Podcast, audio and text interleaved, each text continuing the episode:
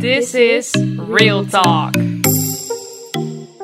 am Naomi, and together with Ayla, Hi. we are the hosts of Real Talk, a podcast about the struggle students go through uh, that is not talked about enough. Today's topic is mental health, and we're in the studio today with Sissy Ilyeva. Welcome. Hello, thank you for having me. How are you doing during those corona times? Well, uh, we've all had our ups and downs, uh, especially in the beginning. It was uh, really hard for us to transition from, you know, campus life to online education, which was a real bummer for me specifically because I'm studying game design and we need to be on campus for most of the stuff. So it was kind of bad transitioning from, you know, student life, having fun with friends, meeting with people, going out to stay indoors for a really long time, for like three, four months, even more. So, of course, that had a toll on, I think, everybody's mental health, especially including mine. Yeah. So, yeah, I think everyone can uh, can recognize that, especially right now. So, um, can you tell the listeners a bit about who you are and what you do, and um, yeah, where you're from, stuff like that? Okay, so my name is uh, Cici, as you already heard that. Uh, I'm 20 and I am a second year student in Hanze, studying CMD and majoring in game design. So uh, I'm also from Bulgaria, another Bulgarian here, yes. uh, for me, uh, since the topic is mental health, I've been struggling most of my life with it. Since you're from another country, do you experience differences in um, how they deal with mental health here and in your home country? Yes, that's something actually that's why I joined honors in the first place because I wanted to raise awareness about mental health. Specifically in Balkan countries, the state is really bad and a lot of people don't really take it really seriously. And especially me realizing that I have uh, a lot of mental stuff going on and that I don't feel good and safe and other stuff. And I actually came out to my mom about it and she started attacking me saying how can you be depressed? I've gave you everything in this life. So people in other countries perceive mental health in a really different way. We don't study about it in school or high school or universities or anywhere and it's a really a taboo topic because uh, i had a classmate of mine really good friend and she was struggling with bipolar and people in my class didn't know what bipolar was.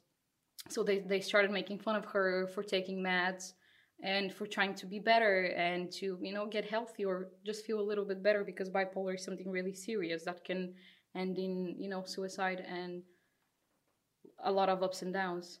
So It's terrible. yeah it's terrible. And i feel like here in the netherlands actually everything else is really good. I've met a lot of people who have gotten help from professionals and they're feeling better and they can just live their lives better. And it's i feel like people here are more accepting that people can struggle with mental health rather in other countries like Bulgaria, for example.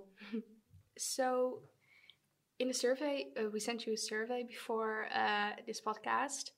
You told us that not only your peers, but also your parents um, bullied you because of mental health. Yeah.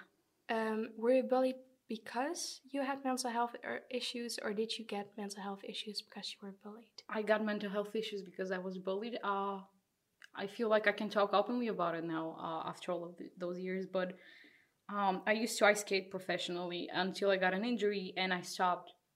I, I wasn't able to do it anymore. So I got depressed in the first place. And me not being able to train, I obviously found, found a comforting thing, which was eating. And I gained a little bit of weight over time. And my mom, which was really strict about me sporting through my whole life, uh, she started bullying me about that and it's still going on for a lot of years uh, that i she said like if you don't stop eating she would point people on the street and be like you're gonna turn out like them Oh my god. and stuff like that uh, and like last year when i was back after my first year here when we ended i went back for the summer and we were traveling in the bus and we saw a really overweight person and she just looked at them and i just knew what she's gonna say and i shut her down obviously because i don't want to hear about it but I think that um, family, and it wasn't only my mom, it was a lot of people that started bullying me because they think it's normal, I feel like, to point out other people's, um, you know, uh, we tend to, in Balkan countries, especially what I've noticed in Bulgaria, we've, we tend to judge the people by the, their looks. So I feel like looks are really important, so that's why I got so bullied. And that was even in school, that was for 12 years of my life in school. That was constant bullying from classmates so i got used to it. But then i came here and i'm not bullied anymore. So that's good because people i've noticed that dutch people in general really don't care about the way you look which is something really nice to see. And i've talked to a lot of dutch people about this topic actually and i've talked to them what do you guys think of you know if you want to get yourself a girlfriend or a boyfriend do you guys what do you guys look for? I'm really curious because in my country people tend to look for looks which is sad Yeah. so yeah i feel like most of my mental health disabilities come from my family That's terrible. So, are you feeling more happy now since you live here? Yeah, I do feel more happy because I'm surrounded by really positive people and uh, I've escaped my uh, toxic family, let's say so. Not escaped, but away from them, which is which is good. And um, I'm in a better place, both mentally and physically. At this point, I've come to terms with myself that I'm healthy and that there's nothing wrong with me. That's great to hear. How did this mental health uh, impact your life? Well, let's start with uh, last year, for example. Uh, I was really struggling in the first block. Of course, I come from a foreign country in another country and I have no idea what's going on. And I'm diving into this study that uh, I don't know what's going to happen in the future. And my mental health played a lot. And I wasn't really satisfied with the work I produced. And I'm really self critical. So every time I do something, I'm always comparing myself to other people, which is really bad. I've come to terms with but uh, in my first block i did really terrible i barely passed my classes because i i had some mental health issues going on and some problems and i addressed them and what happened in the second block i got grades from 5.5 to 8s and 9s so my mental health really made me struggle the first block to get used to it but then i uh, i was over it and i started going only up What do you do to deal with your mental health? What how what did you do to get where you are right now? Uh, I've opened up about it and I talk to people about it, like uh, really close people, like my boyfriend's family, which they they help me tremendously a lot for my mental health. I haven't seeked a really professional help yet. Uh, I actually signed up for a couple of places, uh, and I'm searching for a therapist right now because I feel like maybe an additional professional help can help. But something that didn't really help me was uh, let's say binge eating. I think a lot of people do it when they're feeling sad or when they're feeling down or if they're having some problems. I feel like that's that's a way out, but it really isn't because in the end of the day, you're gonna feel bad about yourself because you've ate so much. Uh, and other thing is, uh, some days I'll starve myself, and next days I'll just binge eat, which is really bad. But that was a long time ago, so. So, since you're talking about um, talking to uh, your friends and also to a therapist, do you feel like it's easier to talk to your uh, friends and people you feel trusted with than um, someone higher up? I feel like people higher up can help me a lot. Like, let's say professional help. That's why it's professional. Those people have studied for it. They've had other patients before, and they know how to deal with people like that. Because actually, this block we're working with, uh, specifically something like that. We're making a VR game, and uh, actually, my class has to make a VR game for therapy, which is really cool because you're gonna help professional people help other people. Have you uh, considered or tried to talk with people from the Hanze? I actually didn't know about that. The only person I've really opened up to was my coach last year. And he I think he did propose something, but I never actually got to to doing it because I wasn't sure if uh there were actually people here that could help you with this stuff. I didn't know, but now I know. so I have to uh, research it furtherly, I guess. Yeah, we actually uh, did some research already. Oh, So they have special people to uh, go to, which is seen as a trust person, where you can talk and uh, do your story and uh, give you advice and just be a listening ear. Uh, they find it really important that people feel safe with them, but um, as we heard from outside people that they don't feel really safe, would it be the same for you? Do you think are you feeling safe here, safe enough to go to such a trust person?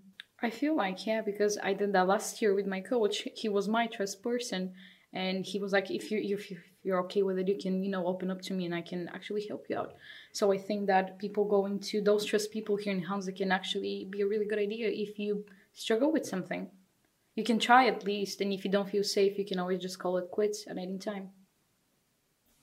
You're really positive about it. I like that. Thank you. That's a unique trait in many people to uh, to have like a positive view on the world. Yeah, I feel like uh, my motivation is to one day, if I have kids, I don't want them to struggle with the same stuff I did.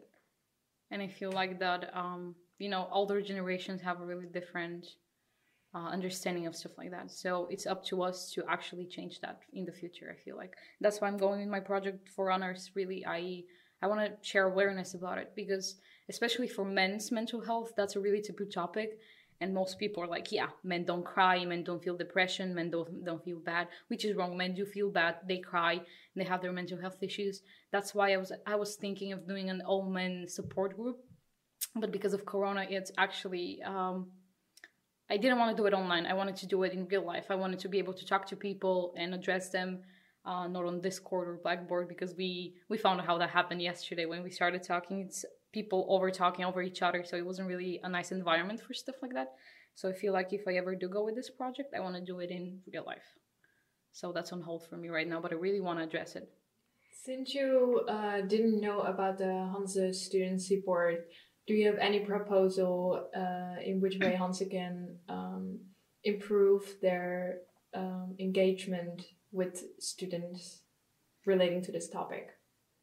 Oh, that's a nice one. Uh, I feel like uh, I don't know. Is there is it on their website? I don't think I've seen something, but since you guys are more affiliated with it, do you guys have you guys seen it on their website somewhere? Well, for example, uh, our well, my mentor, because we both have different mentors um, she each time we have like a mentor meeting, she's she shows it and she talks about in uh, all the different paths you can walk and email addresses and stuff like that. Mm-hmm. But um, it's kind of funny that your study has maybe maybe that. they've done it, but I just don't remember, which is weird because I usually don't forget stuff, especially when it's related to you know important stuff for me. But maybe they have addressed it, maybe they have not. I don't know. I don't want to say about it because yeah. I don't feel they.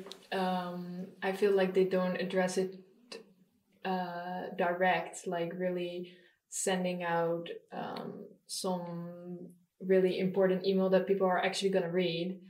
And well, they put it on their website, but if you're not related or if you're not uh, looking for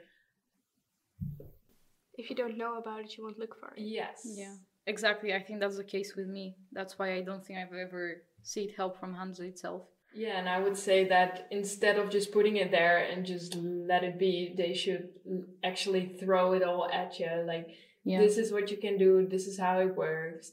And I, uh, I emailed the um, support, and they were talking about how they really want to try to uh, let people feel safe to go there. But then my question is, why are they not taking so much uh, effort to really look for the people who are struggling with any uh, mental health issues?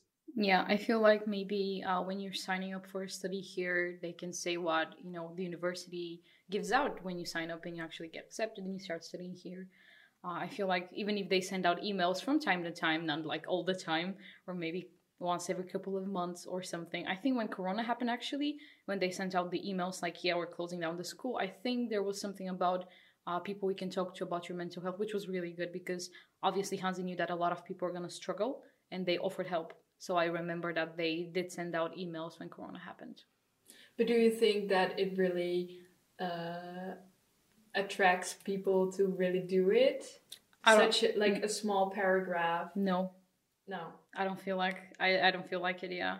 I feel like it has to be more personal. Like I did talk to my coach last year and it was it made me feel a little bit better when I got it all out when I talked to him, but I feel like it has to be more personal. So I think a paragraph in an email is not really gonna do it. So maybe on open days or kick-offs when your study starts, I think this stuff needs to be addressed because I remember my first year we were all gathered in a really big building, uh, and they, they were talking about you know about our study and stuff. But I don't think I ever heard something about oh yeah we also can help you if you need help with mental health, and we can be there for you. Uh, I think that's something that needs to be addressed early in the early stages when you start studying here. you were talking about how during Corona, your well, how it has influenced your well-being. So, what do you do, or do you have any tips for other students who might be struggling and aren't as positive uh, about the world right right now? Oh, since okay, I'm a huge introvert. I really like staying at home. So for me, this wasn't that bad, but I feel like for extroverted people who really wanted to go out and who were used to parties and stuff, it was really tough. And I don't know what to really say here since I am a huge introvert and I prefer my own space. So I was kind of used to being at home and actually that that's the safe space for me. I feel good at home. That's how I cope with stuff like that. So me being at home was perfectly fine for me. Yeah, usually, oh, well, Corona happened. We started taking out the dog, and we were five people in the house. So, because uh, I was living with my boyfriend and his family. So, we, we were taking like every like 15 minutes, and at some point, the dog got really tired. She didn't want to go for walks anymore, which was sad. but uh, I think I think that was a key feature to our surviving in these times was take a lot of walks, go on hikes, because obviously you get away from the city, you get away from people. Yeah, there were some people in the forest and stuff and walks, but it's it wasn't crowded as you know stores and universities and schools and whatever. So i think that was a really good thing that we did. We took a lot of walks. So if you if you are an introverted introverted extrovert you can just go on go go for some walks and just get some fresh air into your brain and lungs. That's great. I did that with my with my mom the other day by the way. Oh really? Uh, yeah i live in uh, drenthe so a lot of woods and places to go for really nice walks. So uh, if you live in Drenthe. Or uh, Friesland, because the, uh, I've actually been on the border in a forest in Drenthe and Friesland, so it was cool. yeah, so if you live anywhere near a forest, it's uh, it's a great way to get out out of the house and get out of the corona infected world. mm. A little takeaway and just whoop. so these were actually all the questions we had, and um, well, it was really fun talking with you yeah. about this. It was really it was really fun for me as well. It was it was my first time doing a podcast, so it was really cool. and the environment's really cool, and we're uh, keeping the distance, and everything is safe. So that's really cool to be able to you know meet with some people and talk about stuff. Great. I just want to say that I really admire you talking about this and being so open about it. I think lots of people um, can see you as an example that you can really talk about it and be so open. So I would just say that you have my admiration. Thank you. I feel like for people to become more positive about it, they have to come to the conclusions that they might be struggling with something and that they need to seek help about it. That's how I got open about it. I was like, okay, I clearly have something going on and I need to address it with someone or a professional and, you know, be able to work on it and just be become a better self. Tell us a story, you can send an email to naomi at vanderpam.nl and maybe we will invite your story to a future podcast.